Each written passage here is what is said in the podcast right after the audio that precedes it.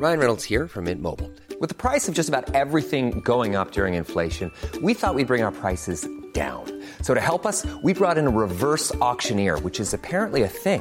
Mint Mobile unlimited premium wireless. Ready to get 30, 30, bit to get 30, bit to get 20, 20, 20, bit to get 20, 20, bit to get 15, 15, 15, 15 just 15 bucks a month. So, Give it a try at mintmobile.com slash switch. $45 upfront for three months plus taxes and fees. Promo for new customers for limited time. Unlimited more than 40 gigabytes per month. Slows. Full terms at mintmobile.com. Millions of people have lost weight with personalized plans from Noom, like Evan, who can't stand salads and still lost 50 pounds. salads generally for most people are the easy button, right? For me, that wasn't an option. I never really was a salad guy. That's just not who I am. But Noom worked for me.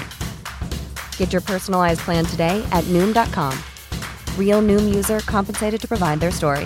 In four weeks, the typical Noom user can expect to lose one to two pounds per week. Individual results may vary.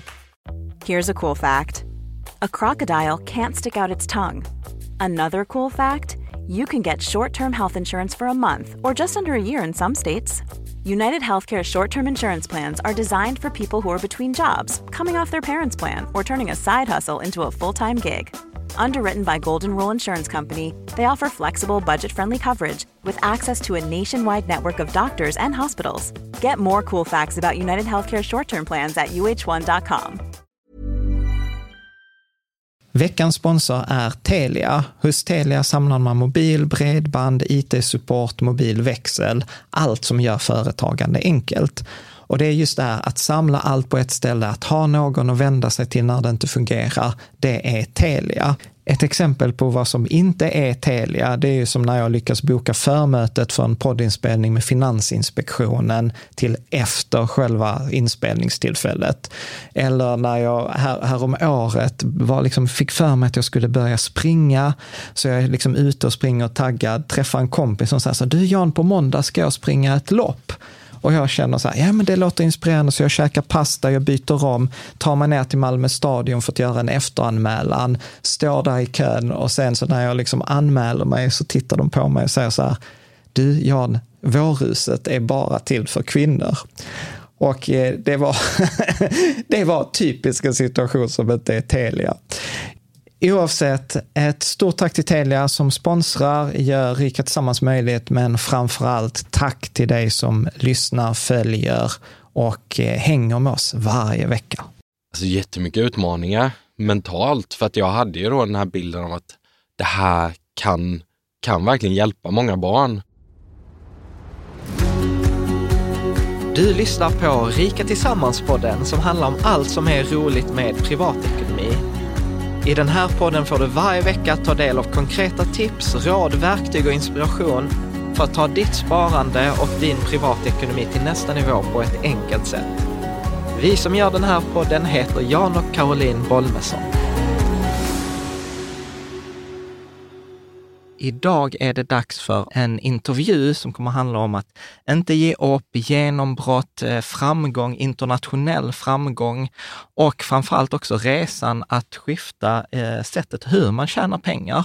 Och intervjun är med en eh, följare, men inte vilken lyssnare eller följare som helst, utan Carl-Johan Forsén Erlin. Och du är ju inte bara känd, du är ju världskänd, bokstavligt talat, som författare till den här boken Kaninen som så gärna ville somna, som har översatts till 45 språk, sålt i över 2,5 miljon exemplar. Även den här Elefanten som så gärna ville somna och min favorit faktiskt, den här Modiga Morris en vecka upp och ner. Så varmt välkommen! Tack så mycket! Kul att vara här. Ja, men verkligen. Och det är ju verkligen också roligt, för du har en lång bakgrund inom Försvarsmakten du, och ledarskap. Du har en fil. kand. i psykologi, eh, har jag för mig, och du har toppat de här Amazons försäljningslistor. Och det är många som verkligen säger så här att ja, men du har också revolutionerat sättet hur folk lägger sina, sina barn för att somna. Ja, det här är häftigt att få vara med och kunna skapa något sånt. Ja, precis. Ja. Är det något du vill tillägga i presentationen? Oj, Ja, det var en bra inledning tycker jag. Ja. ja. Filosof sa du här också vid sidan, så jag tänker att vi får, det, det är ju ja. väldigt nyfiken att komma, komma in på sen. Men så här, kan du inte berätta, liksom, varför blev det just eh, de här böckerna? Ja du, um, jag har alltid haft ett stort hjärta att vilja hjälpa människor. Ja, Eh, och hade skrivit lite böcker om personlig utveckling och ledarskap. ja, Men sen, sen, sen så en gång, för det var en rätt lustig upplevelse nämligen, för jag var ute och körde bil och så från ingenstans bara kommer den här idén om att göra kaninboken och ja, kaninen som så gärna vill somna. Hur jag skulle skriva, hur jag skulle lägga upp saga, karaktär och så vidare. Alltså jättemycket kom bara på ett ögonblick. Det Ja. var jättehäftigt. Så jag väckte min mor som satt och sov jämte. Vi hade en pennstump och en servett i bilen och allt vi hittade. Ja. Och du måste skriva, du måste skriva det här, det här, det här. Och, och sen så, ja det var så det började. Sen kom jag hem med servetten och, och började liksom försöka reda ut vad skön är det här för idé jag fått. Det här känns så rätt, alltså från början så, så jag måste göra detta. Ja. Och Och, så- nu har det gått många år sedan dess och Ja. det var lite roligt, vi hittade servetten när vi städade så här i Det var så, vinden. ja, det- det ramat var- in den. Det var coolt. Nej, vi har inte gjort det, vi sa vi skulle göra det. Ja. Det var coolt. Ja. Och sen, och sen efter att den här servetten så var det en spikrak resa uppåt och du fick alla ja och alla tackade och stod och sjöng längs vägen. Nej, det var långt ifrån det. Ja, Eh, Det är ganska um, ja, djupa dalar och så mentalt och så um, uh, alltså jättemycket utmaningar Ja. mentalt för att jag hade ju då den här bilden av att det här kan, kan verkligen hjälpa många barn. Ja. Eh, men det hände liksom inte. Ja. Alltså, dels så tog det flera år att skriva den för jag ville göra det liksom så bra det bara gick ja, med vrida och vända på ord och ordföljder och betoningar och långsamt så här. Det är lite annorlunda sätt att läsa den ju. Mm. Så, så jag testade olika sätt och hade lite hjälp av förskolor och sånt där. Och, Mm. Eh, så det tog ganska lång tid att skriva men jag vi- ville ändå liksom fortsätta för jag, Mm. ja, det kändes så bra för mig. Och, och sen så tänkte jag att nu, nu kommer det då nu kommer det lösa sig då när jag ger ut boken. ja, Eh, men det började ju med att det var ganska mycket motgångar i början. Det hände knappt ingenting så. Ja. Men jag fortsatte att försöka förstå vad, vad Men ska jag för- göra och så. för detta tycker jag är ganska intressant. För Mm. ofta när, liksom, för du är verkligen en så framgångsrik person och när, när ofta man eh, pratar, eller ofta är det så när man hör om framgångsrika personer, så blir det ofta att, att verkligen så här, vägen är spikrak. Men jag såg i någon intervju så att du refuserades och liksom alla de här. Nej, du bara skrattar. Ja, ja nej, men det har ju varit jättemycket motgångar, så är det Det har det verkligen varit. Ehm, Så- men, men så här, mm. hur, hur tog du de motgångarna? Var, varför var det liksom så här att du inte gav upp? Ja, alltså jag hade en sån övertygelse inombords så att det här är en, eh, är en bok som kan hjälpa väldigt många barn att somna. Ja, Ehm, så, så det fanns liksom inte att ge upp, nej, utan det var det jag skulle förverkliga. Liksom. Det Ja. kändes som ett kall då, ja, att den här ska ut. ja. För till slut så var det ju så att det var inte ens som att du gick till andra bokförlag, utan du, du gav ut den själv. Mm, så blev det ju.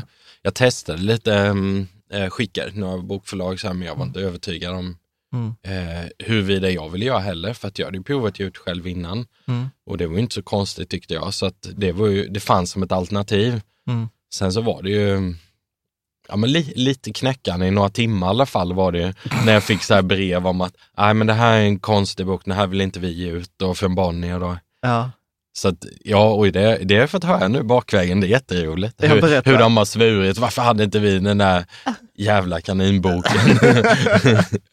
så, så det är väl kul att kunna visa att det går även om man gör det själv. ja precis. Och ja, vi, vi ska vi kommer tillbaka till det, för, för jag tror att det är många av oss, eller många som har en dröm, men att det är så lätt att ge upp Mm. på den där eh, drömmen. Och där normalt, du vet ibland, som du vet, jag vet ju att du lyssnar på podden, så brukar jag ju ställa den där frågan, liksom så här, hur konstig är du? Mm. Och det känns ju som att det är ändå lite så här konstigt att, att stå kvar. Va? Liksom så här, du pratar om det som att men det kändes som att den skulle ges ut. Ja. Vad är det som liksom höll dig vid liv? Liksom? För du sa, alltså detta tog ju flera år, har du Ja, berättat. gud. Ja, Ja, tog jättelång tid. ja, Nej men det, det var alltså övertygelsen om att det var något som var viktigare mm, än mitt egna så att säga, att jag Mm. gjorde det för någon annan. mm, Det var liksom en stor grej så. ja. Och sen eh, när du slog igenom, eh, hur- var det? Du berättade så att det var något BBC eller någon som tog upp den i någon intervju. Och, Ja, just det. Ja, jo men det var ju tre, mm, tre brittiska tidningar, de största där. Ja. Jag gjorde intervjuer med eh, efter att eh, den hade gått upp som etta som självutgiven då på Ja. Amazons bästsäljlista i England då. Och det hade ju aldrig hänt någonsin då Mm. att en egenutgiven bok var uppe som etta. Ja. Eh, så det tyckte de var lite roligt att lyfta fram då. Ja. Så, att, så då gjorde jag tre intervjuer där då. Ja. Och när de kom ut de tidningarna dagen efter då så Så förändrades allt. Ja, det var så. Ja, ja gud. Det var, um, ja, det var en väldigt spännande upplevelse att få vara med om. Ja, Hur eh, det bara rasar in mail från hela världen. ja, Agenter, föräldrar, bokförlag, radio, tv, tidningar. Alla då ja, ville veta mer och ville göra intervjuer och sådär. ja, Och telefonen ringde hela tiden och ja, jag gjorde intervjuer från morgon till sen kväll. ja. Och ja, ja, det är spännande. Det var väldigt, väldigt hektiskt var det då. Ja, för, för, för det, det, boken har togs ju upp i eh, så här Ellen DeGeneres show, liksom. Så här, hon pratade, vad sa du, pratade om den i sju minuter, vilket är ju så här massor av eh, reklam. Ariana Huffington, hon som har Huffington Post, har ju skrivit om den i sin bok och sånt. Så här, vad är den konstigaste upplevelsen du var med om efter det här genombrottet? Oj, det har varit så mycket grejer. Ja. Alltså det, det har varit massa um, overkliga resor kan man ju tycka då till olika länder Ja, där de uh, skämmer bort en med de finaste hotellrummen och sånt här. Jättelustig upplevelse för en ja. enkel kille som mig. Från Huskvarna Ja, liksom. dessutom. Så, så um, ja, men det är spännande. Men det, det som var kanske um, eh, mest annorlunda var ju nyligen då, när jag var i Japan och jag var med i en utbildningsshow som de hade. Aha, där alltså då. japansk gameshow. Nej, inte riktigt, men det var ändå väldigt udda jämfört med vår kultur. alltså, berätta. Jo, men det var ju, um, ja, typ the world's greatest school eller något sånt där kallar de det på engelska då. Ja, eh, som är tänkt att utbilda mm, befolkningen så att säga om olika ämnen. ja, Så, eh, så då var jag ju där och eh, pratade om den här senaste boken om Modiga Morris, en vecka Ja. upp och ner. Och eh, försökte lära dem lite om eh, hur man kan förändra sina tankar, hur man kan Ja. övervinna rädslor och sånt. Då. ja, Och, eh, och de hade gjort fantastiskt eh, eh, förarbete då med Ja. skådespelare och sånt här. De hade filmat scener och, och även dolda kameror med familjer som, som där barnen övervann rädslor och sånt Ja. och inne i ett ögonblick. Så, liksom, Ja. så det var jättecoolt. Så, um, så det var coolt, men, men hela liksom, settingen då var Ja. det som var så konstigt då, Ja. om man jämför med Sverige då. För då skulle jag föreställa ett klassrum, ja. äh, det var elever då som var Japan, kändisar liksom från Japan. Det var Ja. skådespelarmodeller, ståuppkomiker och grejer. Och. Och sen så var det då två programledare som skulle vara rektor och lärare och sånt där. Ja, väldigt annorlunda än vi vana vid. Alltså. Och så, ja, jag önskar jag kunde visa animeringar och grejer. Ja, finns inte det på YouTube? Det måste ju finnas. Nej, vi hade inte rätt att lägga upp det. Nej, där. inte det. Ja, Nej, okej. de tyckte inte det. Ja. Men eh, de hade gjort animeringar av mig och sånt här. Du vet, Jättekonstig upplevelse, helt Ja, ja, klart. ja, det- Så, så det är kul. Det är jätteroligt att få uppleva um, Ja. väldigt olika kulturer. Ja, precis. Men eh, också, och, alltså, någonstans så såg jag en siffra att du har ju sålt eh, över två och en halv miljon sådana här böcker. Och, eh, och jag har en kompis som brukar säga så här, ha, säljer man två och en halv miljon av något, oavsett vad det är, så har det ju vissa privatekonomiskt positiva konsekvenser, kan man ju säga. Ja. Och, eh, och, och egentligen, för det är inte det vi ska prata om, utan jag tänker ju att du och jag har egentligen haft ganska mycket samtal om inkomstkvadranten.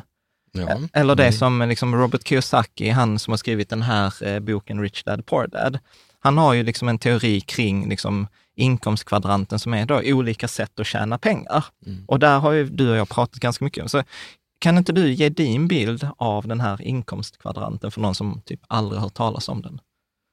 Ja, ehm, vad ska man börja då? Jo, men det finns ju enligt den här kvadranten då, så är det Mm. fyra sätt man kan tjäna pengar på. Ju. Mm. Och eh, jag har ju provat alla fyra nu ju. Mm. Har jag gjort, vilket är spännande. Ja, och För- vilka, är, och vilka är För de fyra sätten? Det är ju att, att eh, vara anställd, Mm. eller att vara småföretagare, Mm. eller företagsägare, eller investerare. Mm. Och ehm, alla fyra är ju väldigt olika spelregler kan man väl säga för att lyckas. Mm. Om man ehm, vill, eh, alltså, ja, lyckas är ju olika i de olika kvadranterna också. Då, ju. Mm. Eh, om vi tänker på eh, som anställd, var ju i många år och jag provade även att vara anställd under en period nu, Mm. eh, ja, för några år sedan. Tiden går ju fort, men, men efter några år sedan i alla fall så, så var jag anställd som HR-chef på, på ett jättespännande projekt som skulle Mm. bli globalt och sådär. Eh, men det passade ju inte mig, för att jag hade ju gått vidare. Jag var inte kvar i den rutan Mm. mentalt.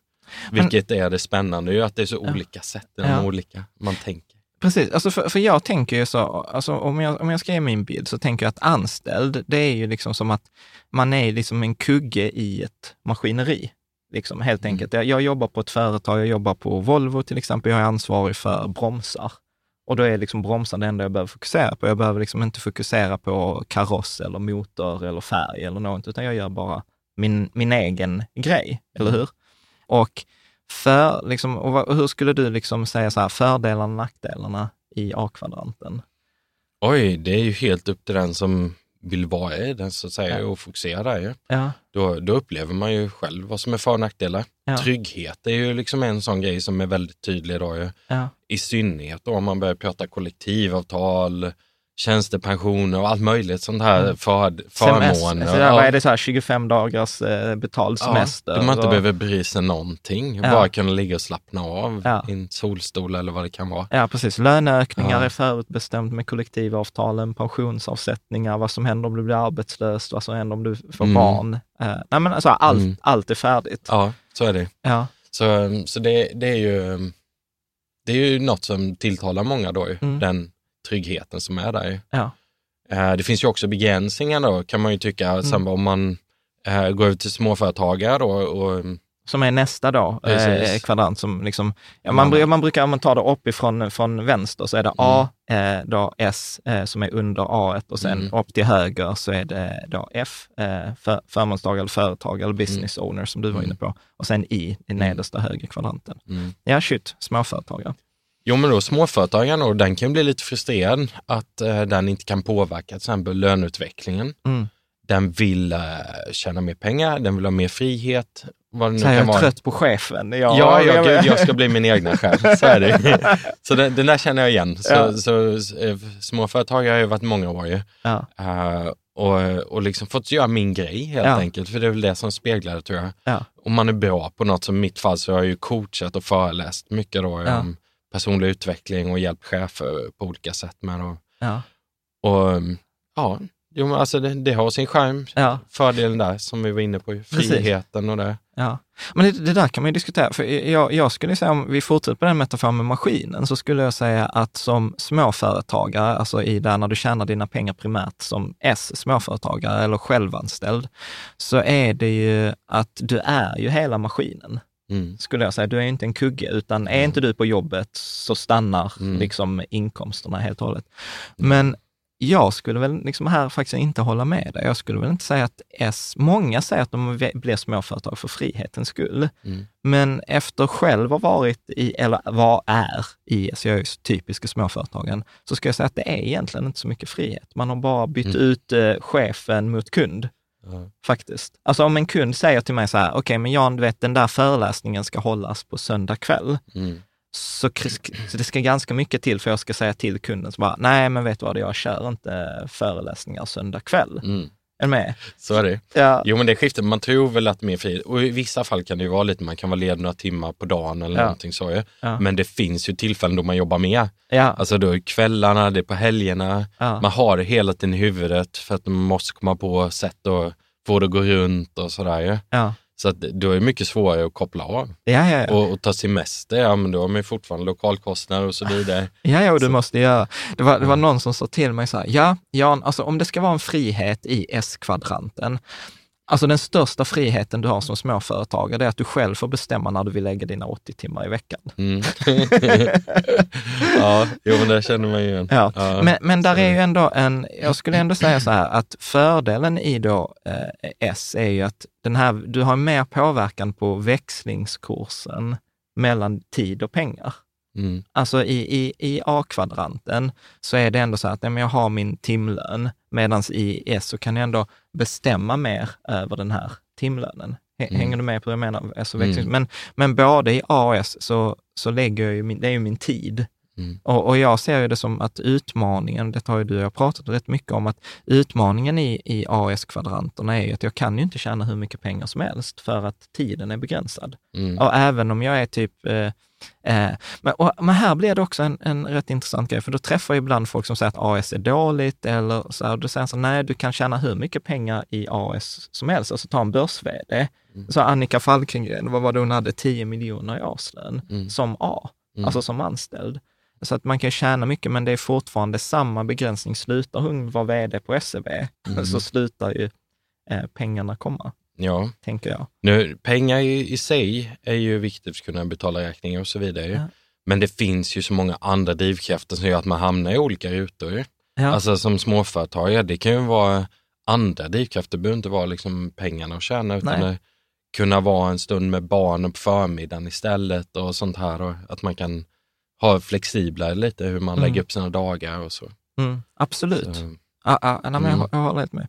Bra, så att det, det är AS. Så mm. ska vi gå över på, för detta är egentligen det roligaste, för att det som du har sagt är så här, okej, okay, jag vill ju ändå att mina, mina eh, inkomster ska vara hållbara. Att liksom, mm. jag kan inte bara leva på gamla meriter, utan då det så mm. att ja, jag vill mycket skifta mina framtida inkomster till just den här högersidan. Och det är något mm. som vi delar, det är något som jag har jobbat mot i tio år mm. också. Så ska du beskriva eh, F1 då, eller B1 på engelska? Ja, men om jag skulle backa bara lite kort där och säga att att den stora anledningen för mig att försöka ta mig till högersidan då, så att mm. säga, det har ju varit just det här med passiv inkomst. Ja. Att kunna få in pengar även när man inte jobbar. Mm. Uh, och för mig har det ju varit så viktigt för att jag har haft jättemycket fysiska utmaningar med min kropp genom åren. Mm. Jag har varit utbränd, jag har värk varenda dag i kroppen och sådana här grejer. Vilket gjort att jag inte pallat med att jobba helt mm. enkelt under perioder. Mm. Uh, det är liksom inte gott. Och då, um... Vad skönt att du säger pallat. Du vet, för oss i Skåne, palla är så, jag pallar inte. Men mm. där är det ju så att du har ju inte kunnat Nej. fysiskt. Alltså. Nej, jag har varit för trött och liksom så här ja. utslagen. Ja. Och då, um, då, då, då har jag ju, när jag stötte på den här boken, uh, Rich Dad Poor Dad, då, ja. uh, så, så insåg jag, bara, men vänta nu, jag måste ju hitta en lösning på det. Mm för istället för att sitta och coacha en och en och så vidare då, så måste jag börja tänka hur jag kan hjälpa folk även om jag mår dåligt. Mm. Så det var det som började få mig mer motiverad att ta, försöka ta mig till de högre kvadranterna då. Mm. Och, och då blev det i form av bokskrivandet, att det tog överhand. Att jag kunde hjälpa människor med målbilder jag hade för kaninen var ju att mm. kunna hjälpa människor över hela världen dygnet runt. Mm. Och det skulle jag aldrig kunna göra om jag själv var tvungen att sitta på kontor och ha dem på rad. Och, och ringa till föräldrarna så här, okej, okay, ska ja. ni lägga barnen nu? Mm. Ja, du har två miljoner i kö här nu, men snart ska jag hjälpa ditt barn. så, ja, det skulle inte funka, så jag var tvungen att tänka mer system, hållbarhet och um, Uh, och att nå ut då över hela världen, vilket jag tycker är roligt, för det har drivit mig ända sedan jag var liten. Ja. Uh, det här med olika kulturer och språk och grejer. Ja. Det är jättehäftigt. Det har alltid varit där. Så, så då hittade jag en väg framåt genom att fokusera på böckerna, mm. tänka stort, översätta själv med hjälp av men kompisar tänkte, och så men vidare. Tänkte du, tänkte du det där från början? Alltså så här, att nej, men okej, nu ska jag liksom så här, flytta mina inkomster och se vad behöver jag göra? Om jag ska skriva en bok, och, eller var det liksom efter att du hade kommit på den där idén, så var det bara liksom så här, om jag ändå ska göra en bok, ja men då gör mm. jag det ekonomiskt, alltså så, här, så att jag har fördelarna på min sida. Ja, när kom det? Alltså jag, jag hade ju skrivit om teorin själv då i min första bok, Skapa din framtid, som jag mm. skrev för en massa år sedan nu. Mm. Uh, där, där skrev jag om det och tyckte att uh, det här är ju jättespännande att man kan tänka på ett annat sätt för att det mm. underlättar då, liksom, så man kan nå ut till fler och så. Mm.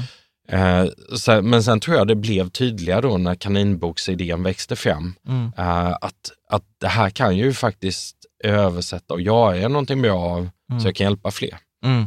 Så, um, Nej, för det där är rätt mm. intressant. Jag, jag och Karo, detta är dåligt samvete jag har gentemot lyssnarna och läsarna, för att där finns en bok som heter Millionaire Fastlane, eh, som vi har lovat att vi ska ta upp, vi har inte bara kommit dit. Och där är ju en av de liksom bärande poängerna, är så här, de flesta människor säger så här, eh, det går inte att bli rik snabbt. Och då säger han så här, jo det går att bli rik snabbt, men det går inte att bli rik lätt utan Mm. att det kräver en, en stor ansträngning. Men Mm. har du en stor ansträngning eh, så kan det gå relativt, alltså på några, på några år. Och då är ju en av de grejerna han pratar om är ju så här, skalbarhet, alltså sälj en miljon av vad som helst. Mm. Då kommer du ju få en stor inkomst på det där. Och det är just skalbarheten som Mm. du pratar om, att nå ut Mm. liksom, eh, globalt. Men om vi, Mm. men eh, om vi hoppar till eh, kv- kvadranten och Ja. hänger upp det på det, så hur skulle du beskriva den här F och på svenska, i den svenska översättningen så, Mm. så, är, så är det F, förmånstagare, på den engelska versionen så är det B, för business owner. Mm. Så hur skulle du, hur, hur ser du på det? Jo, men då, då blir ju mer fokus på att andra jobbar eh, och hjälper en, så Mm. att säga. Som i, i fall med böckerna då, om vi börjar med det då, så, så har jag ju skrivit boken, lagt tid och energi på det. Mm. Eh, och sen, men sen så har jag i utlandet så har jag ju då 46 förlag som ger ut mina böcker. Mm. Så de marknadsför ju och jag allting. Mm. Och så kommer en begränsad procent royalty tillbaka till mig då som författare. Mm. Men då, då är det ju de som gör jobbet så att säga, så att de marknadsför ju dygnet runt och jobbar med det runt om i världen då ju. Mm. Eh, medan jag sover eller leker med barnen eller skriver på någon ny bok. Mm. Eh, det är ju den stora skillnaden då. Och jag kan ju då åka på semester och fortfarande så, så säljer det ju böcker då. Mm. Så det funkar ju ändå. Mm. Så det blir ju inte beroende av mig. Mm.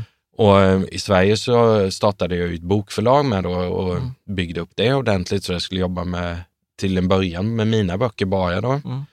Eh, Men sen så har det ju utvecklats vidare nu så att nu är de fyra stycken där som jobbar. Mm. Eh, Det senaste var ju en eh, förlagschef som Mm. ersatte mig då Mm. så att jag kunde kliva ur från det dagliga där då, Mm. vilket är en jättehäftig upplevelse Ja. för att nu, nu gör jag ju då den här rutan där då, liksom att nu, nu tänker jag ju så. Ja, Nu fixar de och de gör det bättre än vad jag kunde göra, för det är ju inte min grej. ja, Alla de där bitarna med att bestämma om Ja. böcker och priser och utgivning och så vidare. Och Ja. vi har tagit in andra författare också då, ja, så, som också har några bra bus, budskap som kan hjälpa människor då. ja.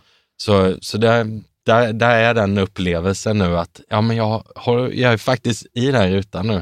Nu kommer de göra ett bättre jobb och jag kan Det där, det, göra där, annat. det där är kul, det där kan vi prata mycket om, särskilt om man tar det från entreprenörshållet. Hållet. Mm. Det är många som säger så ah, men man ska anställa folk som är bättre eller anställa vd och sen släpper de aldrig taget. Men Mm. det, det är ju himla coolt, för du har ju verkligen gjort det. Mm. Och det har inte varit enkelt. Nej, det, gud i himmelen. Det, Alltså det är ju många år av mental förberedelse bara för att kunna ta klivet ja, när det blir aktuellt. För Ja. jag känner ju på mig att det, det är detta jag vill och det är hit jag ska ju. ja.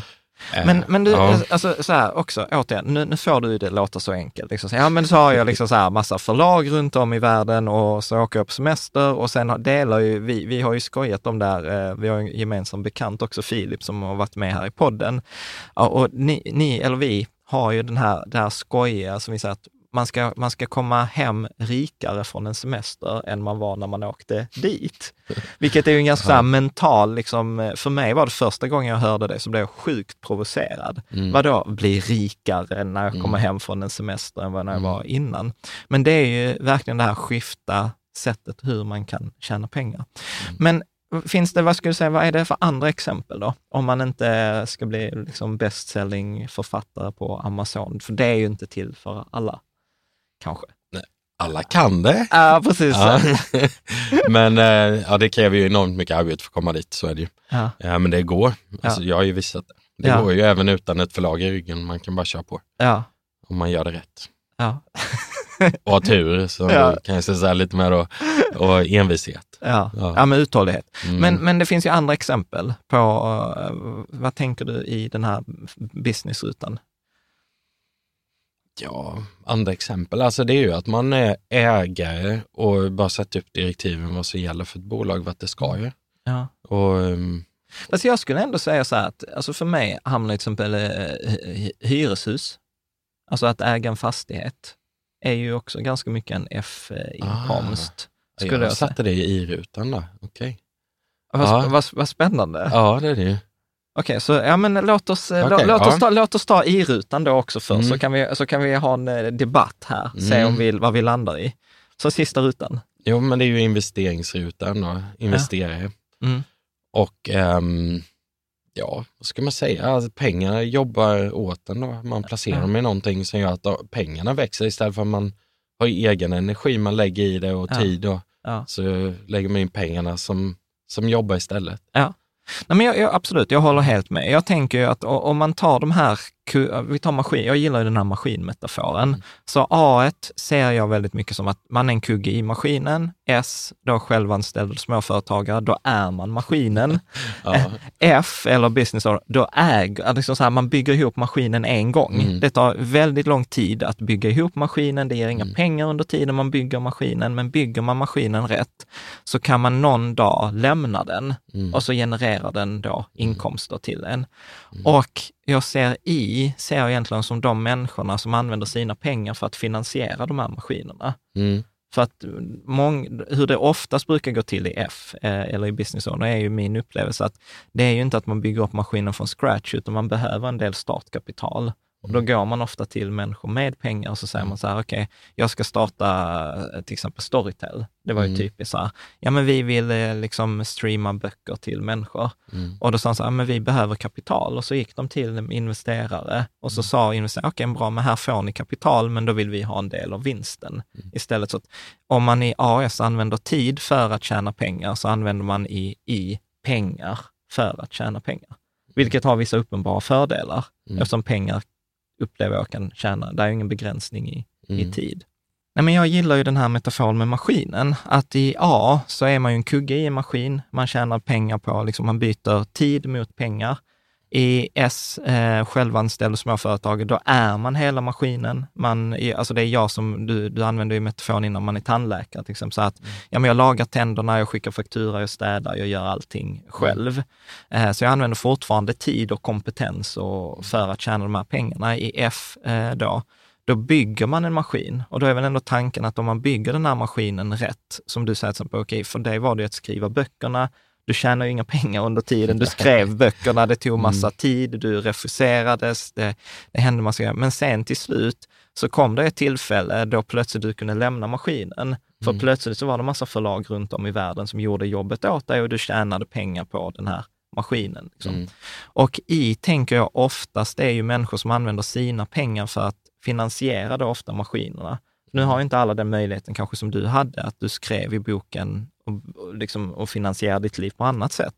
Medan jag tänker till exempel Storytel som vi hade eh, här i ett annat poddavsnitt med Filip. Då behövde ju, när de hette Bok i lur och var ett litet företag, så behövde ju de finansiering och då gick de ju till affärsänglar, som till exempel då Filip som vi intervjuade. Då sa han så, okej, men ni får en del av mina pengar, men i utbyte då vill jag ha en andel i er maskin. Och varje gång sen er maskin genererar vinst, ja men då vill jag ha en del av den vinsten. Och fördelarna då på F och I-sidan är ju att det är ju ingen begränsning i tid. Tiden är ju inte begränsad till de här 24 timmarna per dygnet, utan pengar kan ju tjäna hur mycket pengar eh, som helst. Så att låt oss hoppa nu till huset. Så hur eh, du, du, skulle, du skulle placera huset i I, hur, hur tänker du? För det är liksom inget rätt eller fel svar här.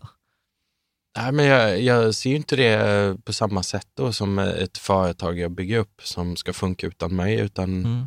Det, det är ju hus som står där liksom i så fall. Ja, Eh, och sen så får man då ha personal som håller efter det och så ju. ja, Men, ehm, men det kan ju också vara det här med att, att ett hus kan ju tappa värde, alltså en krasch eller så ju. ja. Och det kan ju även göra pengar på börsen eller ett bolag man investerar i också ju. ja. Så det är väl Ja, men jag, jag, tänker. ja, men, jag, men jag tänker om jag skulle bygga på det du säger, så säger du ändå så att det är folk som behöver sköta det och sånt. Då skulle jag, det är därför jag placerar det i F. Alltså så här, att det kräver ändå en tid innan du köper det, liksom en, en fastighet som du hyr ut. Du behöver gå på massa visningar, du måste prata med mäklare, du måste prata med banken. Alltså du vet, det är ganska mycket obetald tid. Men när du väl har hyresgästerna och, det, så kräver det ganska minimalt underhåll. Eh, precis som du säger, och då genererar det en viss inkomst. Ja. Vad tänker du?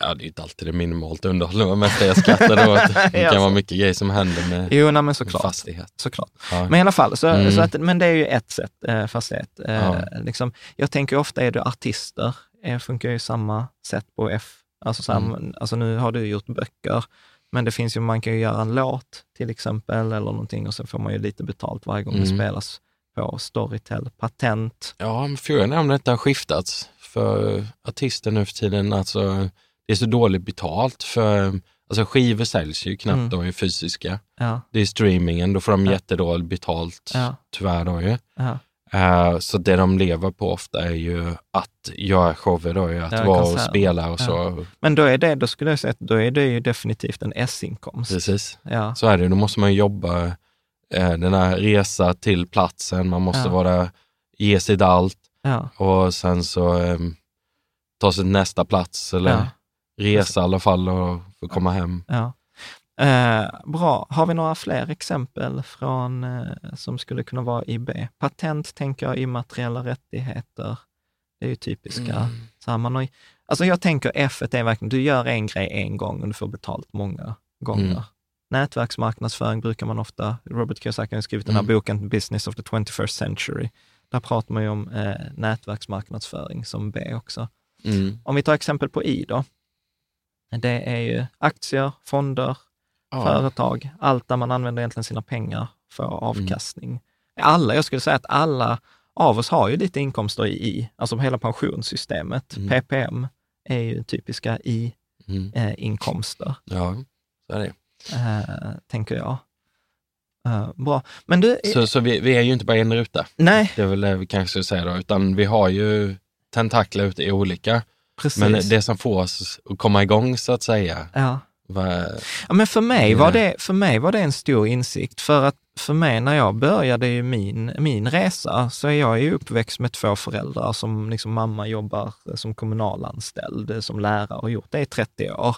Och då var jag så här, åh jag ska göra något helt annorlunda än mina föräldrar, vet, och jag startar eget. Mm. Och, och så förflyttar man från A, liksom förflyttar inkomsterna från A-rutan till S-rutan.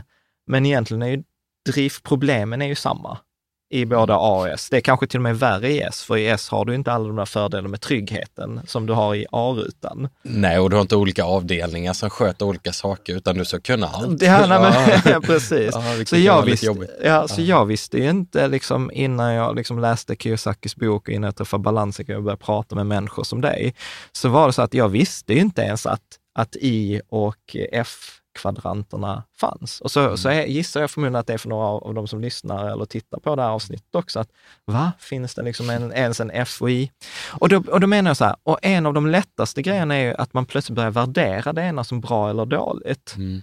Eh, och det, hur tänker du kring det?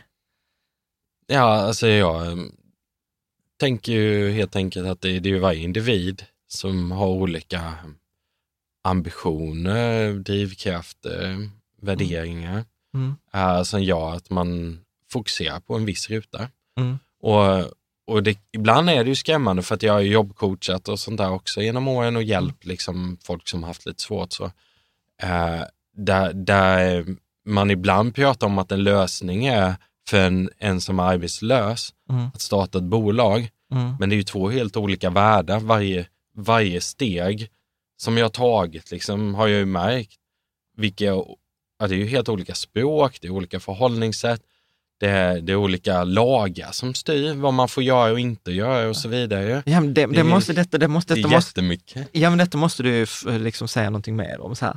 Att du säger det är helt olika språk och förhållningssätt. Berätt, kan du inte ge något exempel? Jo men så är det. Alltså, jag försöker lära mig lite om i-rutan Ja, ehm, för, för att eh, hitta fler sätt då, liksom, för att få Ja, pengar och komma och så. ja, Så jag kan sitta och fokusera på skrivandet, för det är det jag vill egentligen. ja, Men jag har inte hunnit med det, för jag har varit fast i att arbeta. ja, Alltså så, alltså det låter ju konstigt, för det är ju arbete också, men, ja, men att i det dagliga arbetet då i företagandet, Ja. då har jag varit låst i det då.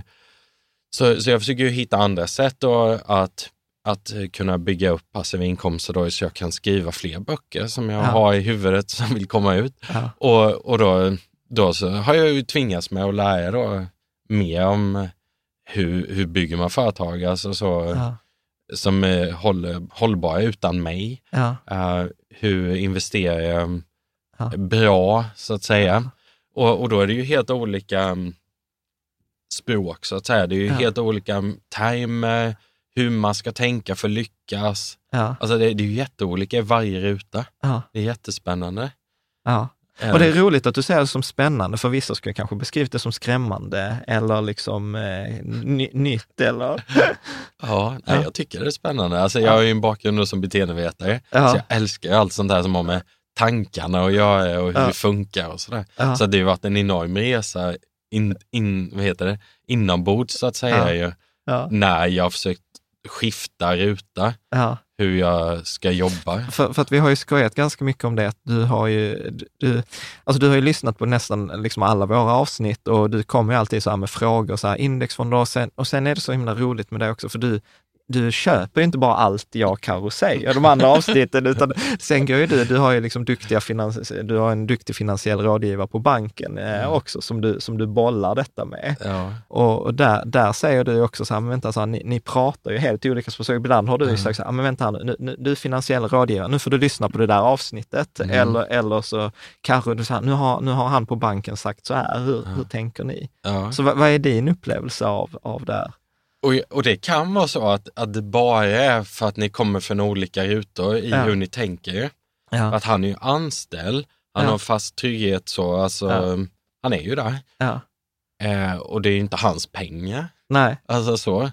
Eh, sen så känner han väl samvete och så, alltså det är inte det jag menar, men, men det blir ändå skillnad var man kommer ifrån, hur man tänker. Det blir inte detsamma Nej. eh, som när ens egna råd, pengar då liksom man pratar om. Och, och detta är ju ganska roligt, för att, för att ofta så blir det också att, att då skifta om sina inkomster handlar egentligen om att förändra sitt beteende Mm. också. Ja. Att, att man behöver ju nästan göra en lika stor personlig resa. Tänk över, det var någon som sa till, eller så här, i, i balansekonomi också, så pratar vi väldigt mycket om att din ekonomi är, eller dina peng, din pengasituation är ju ett resultat av ditt beteende. Mm. Eh, vad tänker du om det? Jo, men det blir ju jättetydligt, för jag, jag att påstå att det är djuplodande värderingar Mm, som avgör vilken ruta vi fokuserar på och, mm, och tänka kring hur vi ska tjäna våra pengar så vi kan betala räkningar och så vidare. mm, Eh, Så det är ju jättedjupa värderingar som vi säkerligen har med oss då från barnsben. Mm. Och, ehm, Vad skulle det kunna vara för värderingar? ja men till exempel, du var inne på det innan, ju förebilder då, föräldrarna, om de båda är anställda, Mm, de har tryggt jobb, kanske båda kommunalt anställda, så var typ mina föräldrar också då när jag växte upp. Det var trygghet, trygghet, trygghet Ja. så hela tiden. Och em, då, då blir ju steget ganska mycket större mm, att våga göra på ett annat sätt än vad sina förebilder har gjort hela uppväxten. Ja. För de har ju format hela den man är egentligen. Så, så det är ju stort. Skulle man då ha till exempel två entreprenörer som föräldrar som, eh, som pratar om att allt är möjligt och sådär. Du vet. Jag undrar hur det hade varit då för mig om jag hade fått hela tiden fått en klabb i ryggen. Ja. Att, ja, men gå ut och testa, tro på det här, kör nu. Liksom. Ja, och det där är roligt för att jag skrattar så himla nu för att min, när, när jag startade eget så var min mamma, hon är fantastisk, men hennes kommentar var så här, mm, Jan, alltså, du vet, jag har ju alltid stöttat dig i allt det du vill göra i ditt liv, men, men sen, sen skaffar du dig ett riktigt jobb. Eller hur? och sen Ja. har jag en, en kompis som är entreprenör och hans, eh, hans fru också. Och de säger så här, ja men vår dotter, alltså hon får starta vilket företag hon vill. Mm. Ja, ja. Det är Liksom jätteroligt. Ja. Att liksom så här, nej, det, spelar, det spelar ingen roll vad hon gör, men hon får, hon får starta vilket företag hon vill. Liksom. Att det är det som är eh, avgräns. fokuset. Ja, Ja, så är avgräns. det. Så, Ja. så det, eh, förebild är ju enormt viktigt. Ja. Och har man inga det från barndomen så måste man ju hitta andra som eh, kan bli förebilder då, Ja. och lära en hur man ska tänka. Ja, Och det är då hela det området med personlig utveckling kommer in ju. ja, Och han Robert Kiyosaki som vi har pratat om några gånger, Ja. han har varit en jättestor förebild då ju, för hur han tänker och vad han pratar om så att säga, hur man ska göra. Så att ehm, det har passat väldigt bra min hälsoprofil då så att säga, att, att kunna bygga system som inte är beroende av mig. Ja, när du Ja. för, för din inkomst eh, skull. Mm. Liksom.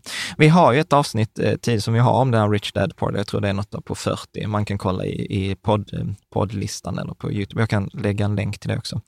Men där tänker jag också så här, eh, du har ju haft en ganska spännande resa i I. Du och jag har ju pratat om, eh, för Mm. det, när man väl ändå är i, som vi båda siktar Mm. på att ha en stor del av vår inkomst, i alla fall i framtiden, och jag tror att det är många av dem som lyssnar eller tittar på det här också tänker, så är det ju också det här att värderingarna och hur vi är som personer ger väldigt olika strategier Mm. i, i också. Ja, ja, gud verkligen. Så är det ju. Så, så bara för man är i samma ruta så tänker man ju väldigt olika. Ja, precis. Vilket är jättespännande. För, för jag Så- kommer när vi hälsade på dig i, i, i Spanien, eh, din, din familj, så cy- cyklade vi och du bara sa, alltså Jan, alltså du, alltså du är en sån, du är en sån fegis, sån räddhare, var ju Ja. din kom, kommentar. eh. Mm.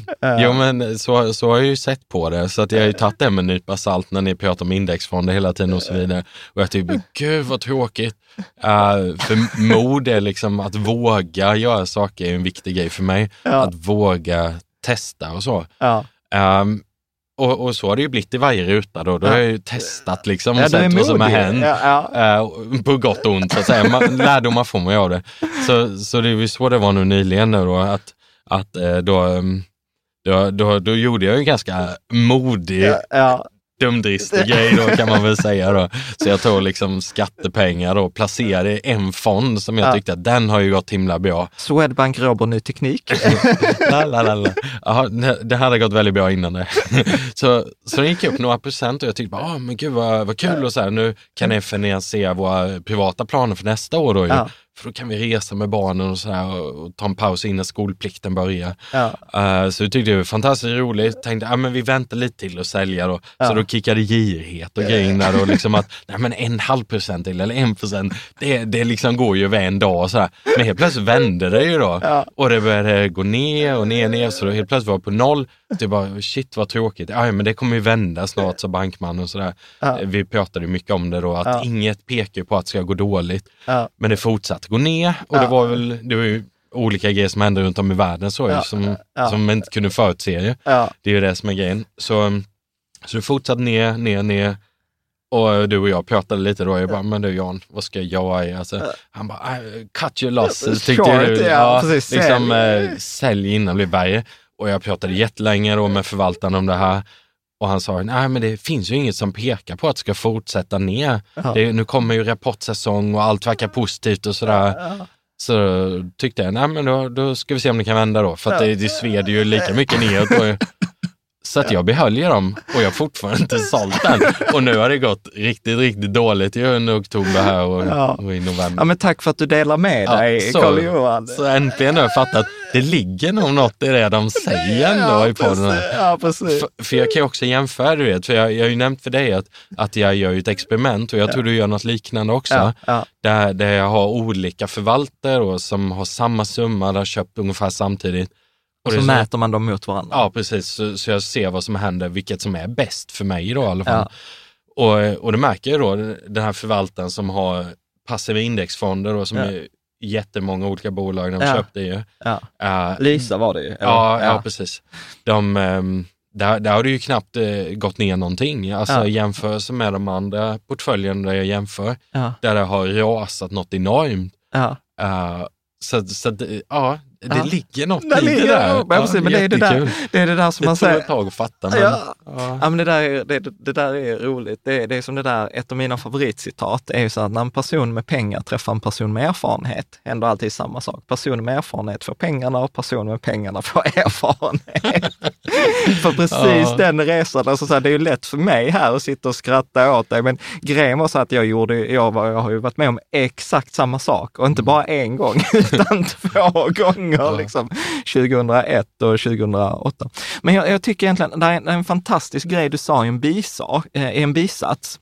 Och, och det är ju det här att ett beteende som kan göra oss väldigt framgångsrika i ett område kan vara direkt kontraproduktivt i ett annat. För att hade du inte varit modig och, och gjort att, då, alltså du hade ju inte aldrig haft en bok på Amazons bästsäljarlista Så om du inte hade haft modig. Mm, Men sen att då föra över det beteendet på börsen mm. är ju inte direkt en framgångsfaktor. Nej, det, den polletten har ramlat ner. Ja, precis. Så att, och, och det där är ju vad alla investerare som jag pratade, vi hade ett avsnitt med Arne Talvin Kavastu och han sa ju att liksom bland det svåraste i livet eller när man investerar är ju att, att lära känna sig själv. Mm. Så där har du ju en, eh, om jag ska, vara, om jag ska vara, ge dig liksom en, en fördel, så har du en orättvis fördel i det att du är så intresserad av beteende. Mm. Och man, jag tror att man behöver ha den här reflektion och kunna skratta åt sig själv Ja, och, och, liksom, och lära sig eh, från, eh, från de, de misstagen Mm. man har. Så är det. Men vad skulle du, om du skulle säga så här, eh, dina bästa tips eller erfarenheter om man är så här, men jag vill börja liksom skifta, liksom jag vill kunna börja omfördela inkomsten, att om, om 100 procent kommer från AS idag Mm. eh, och jag vill börja få lite på FI, vad, är, Mm. vad skulle vara dina tips? Egentligen har jag väl um, äh, kanske det bästa, skulle jag Ja. säga, som jag, jag kan komma på. Det är Ja. ju helt enkelt, vad är meningen med mitt liv? Ja. När jag hittar svaret på det så kommer jag hamna rätt ute. Ja, det var ju djupt och du får, Ja. du får gärna Kan utveckla. vi fördjupa oss kring kanske någon gång? Ja. Ja, nej men äh, alltså mm, om jag, om jag kan reda ut vad som är viktigt för mig, vad jag vill uppnå, ehm, om jag vill leva en trygg Mm. eh, ålderdom och så vidare, alltså, och ha barnbarnen och kunna ta med dem på resor eller vad som helst. Alltså det, Mm. Alla sådana tankar då kommer ju forma hur, hur vi borde tjäna pengarna då för Mm. att kunna uppnå det. Mm. Så, så får, vi, får vi till det där med en klar bild om vad vi vill uppnå i vårt liv, Mm. eh, oavsett vad det är då, så kommer det då göra det mycket lättare att hitta vägen och komma dit. Mm. Men om vi inte vet vad vi ska uppnå så blir det ju svårt. Mm. kommer vi ju hatta runt lite överallt. Men hur, hur alltså så här, det är ju lite så här meningen med livet, Mm. frågan. Hur, så, hur, hur, hur gör man det då? Hur man hittar det? Ja, Åh gud, massa rannsakan i sig själv skulle jag säga.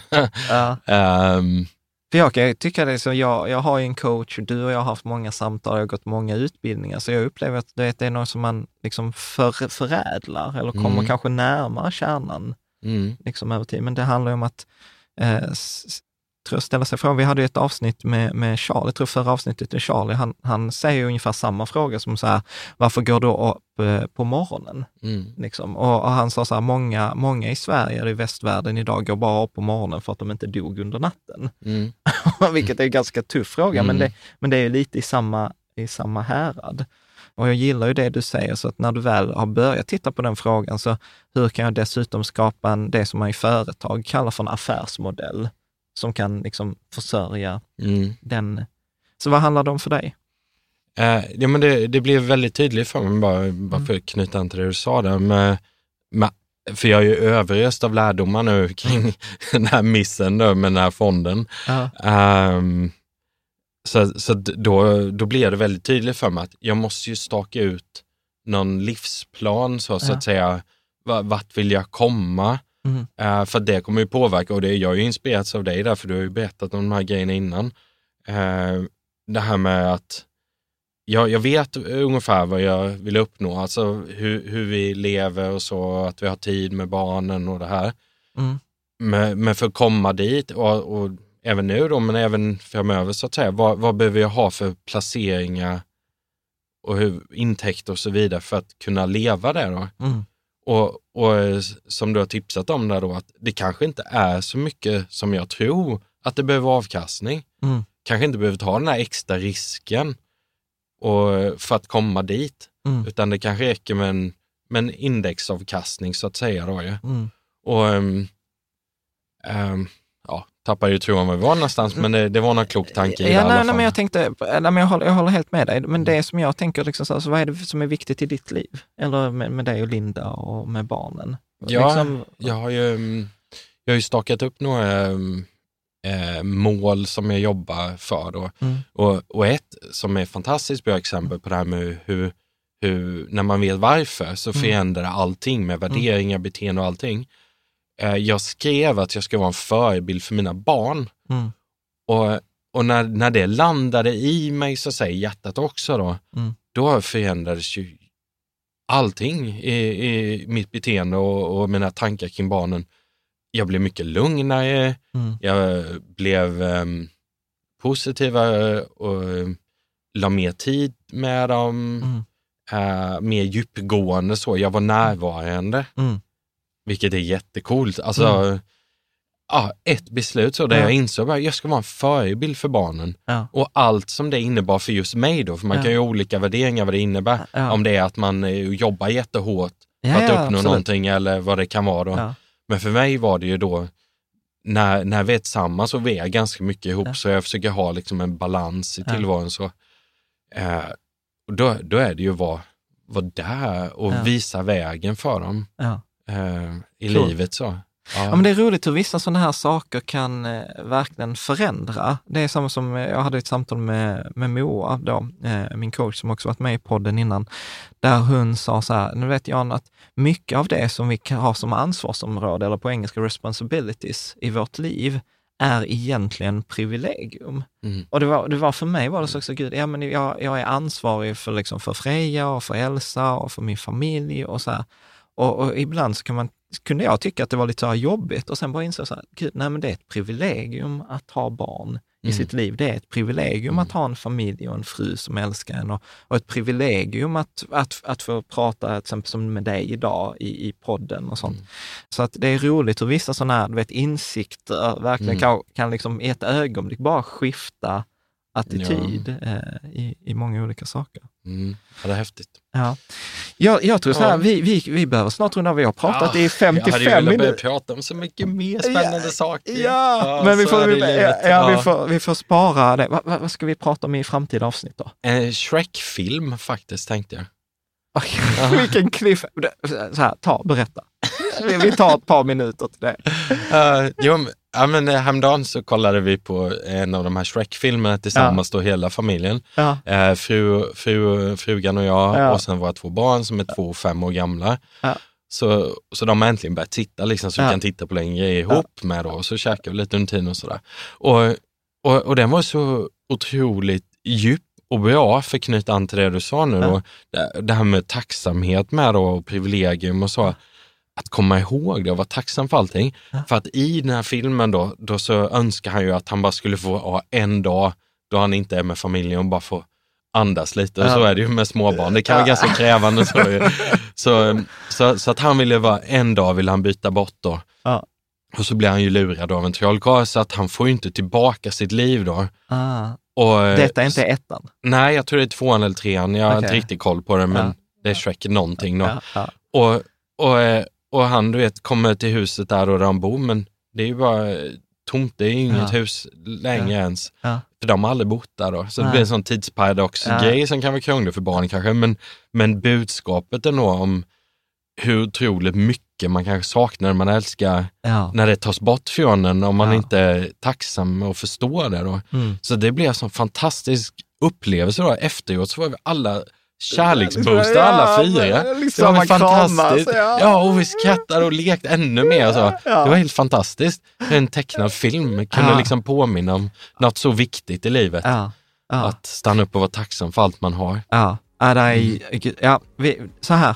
Karl-Johan, tack för att du vill vara med. Jag hoppas att du vill komma tillbaka i framtida avsnitt och så får vi prata mycket, mycket mer om Det dig. finns nog fler tecknade filmer. Ja, precis. Du, tack så hemskt mycket. Tack själv. Här.